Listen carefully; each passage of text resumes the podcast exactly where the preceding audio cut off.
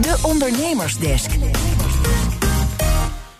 De Rotterdamse werving- en selectie-startup eCulture heeft een mooie opsteker binnen. 1 miljoen euro groeigeld van twee venture capital fondsen. Recruitment wordt door de krapte op de arbeidsmarkt steeds belangrijker voor bedrijven. In de ondernemersdesk Groei vraagt Connor Klerks aan CEO Charlotte Melkert wat ze precies anders doen. Wat, wat eQualtje doet, eQualtje is een, een, een predictive hiring tool, zoals we dat al zo mooi noemen. Dus wat we eigenlijk doen is, wij willen op basis van data en kunstmatige intelligentie eh, bedrijven helpen bij het bouwen van de juiste teamsamenstelling. En daarmee ook voorspellen in hoeverre een kandidaat past binnen die teamsamenstelling, in hoeverre je iets nieuws gaat toevoegen. Dus wat ons onderscheidend maakt, is wel echt recruitment puur door inzet van data. En veel minder, eh, veel minder het onderbuikgevoel en terugkijken naar wat heeft iemand gedaan, maar juist naar wat zit er, wat zit er voor potentie in een kandidaat. En wat is er anders voor een sollicitant? Eh, voor een sollicitant is het anders dat je geen cv meer hoeft aan te leveren. Eh, dus je start je sollicitatie met LinkedIn, daar halen we alle informatie uit. Eh, en we laten je wat games spelen. Wat, wat assessments zijn, maar een leuke spelende variant voor kandidaten. Dus het is een, het is een veel meer interactieve manier van solliciteren. En eigenlijk veel laagdrempeliger. Maar we kunnen er toch wel veel meer informatie over je uithalen. Je zegt geen cv. Ehm, welke data worden dan gebruikt? Nou, we halen dus wel uit je LinkedIn. eh, eh, kunnen we dus wel dingen meenemen als wat heb je Maar dat is gestudeerd? eigenlijk je cv, toch? Je LinkedIn. Ja. ja. Eh, dus daarom hebben we ook gezegd, een cv, dat vinden wij eigenlijk heel ouderwets. Dus LinkedIn kan daar gewoon de vervanging voor zijn.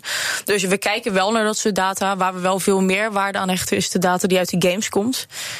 Dus dat, daar moet je denken aan zaken als wat heb je voor, voor vaardigheden, hoe is je intelligentie, eh, wat zijn je persoonlijkheidskenmerken. Omdat we erin geloven dat dat eigenlijk veel meer voorspellende waarde heeft op de werkvloer dan wat heb je hiervoor gedaan. En werken met AI, dat moet eigenlijk voor zorgen dat er minder vooroordelen zijn. Hè? Ja. Eh, toch zien we dat bij AI wel eens fout gaan. Eh, Ja. Een goed voorbeeld is bijvoorbeeld die chatbot van Microsoft, die Ja. heel makkelijk door twitteraars hele racistische dingen ging zeggen op een gegeven moment. Omdat die dus gevoed wordt door data. Ja. Hoe gaan jullie ermee om om te zorgen dat die ehm, machine learning onderdelen niet bevooroordeeld raken?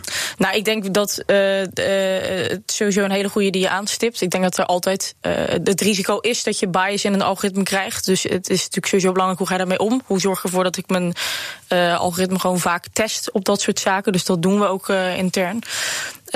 We nemen persoonsgegevens ook niet mee in de ontwikkeling van het algoritme. Dus wat je vaak ziet is dat op, bij, bij veel chatbots, noem maar op, dat toch nog wel dat soort informatie wordt meegenomen. En, en dat dat soort informatie ook het algoritme voedt. Dat laten we helemaal weg. Dus kandidaten gaan bij ons ook anoniem een database in en die data gebruiken we.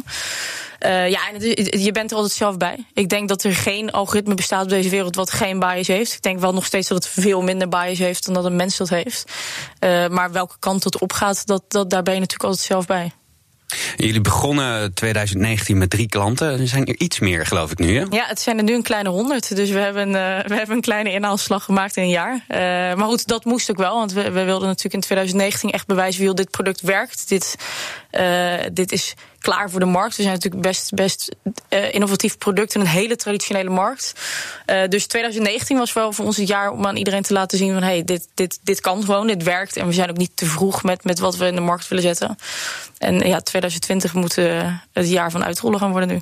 Dus 2019 was best wel een, een flink groeijaar. Hebben jullie nog last van groeipijnen gehad? Last van groeipijn. Ik denk dat wij die dit jaar misschien wel iets meer gaan krijgen. Uh, ik... van, van drie klanten naar honderd, dat ging gewoon vlekkeloos? Uh, nou ja, kijk, vlekkeloos gaat het nooit. Maar ik denk dat waar we vorig jaar nog echt in de fase zaten... dat je echt je, je product nog aan het ontwikkelen bent. Je bent het eigenlijk aan het klaarmaken om te gaan schalen. Gaan we dit jaar pas echt schalen. Dus het product gaat schalen, maar ook het team gaat schalen. Dus uh, dan gaat er ineens heel veel veranderen. Ik denk dat je pas in de fase van schalen echt de groeipijn merkt. En in de aanloop daar naartoe iets minder.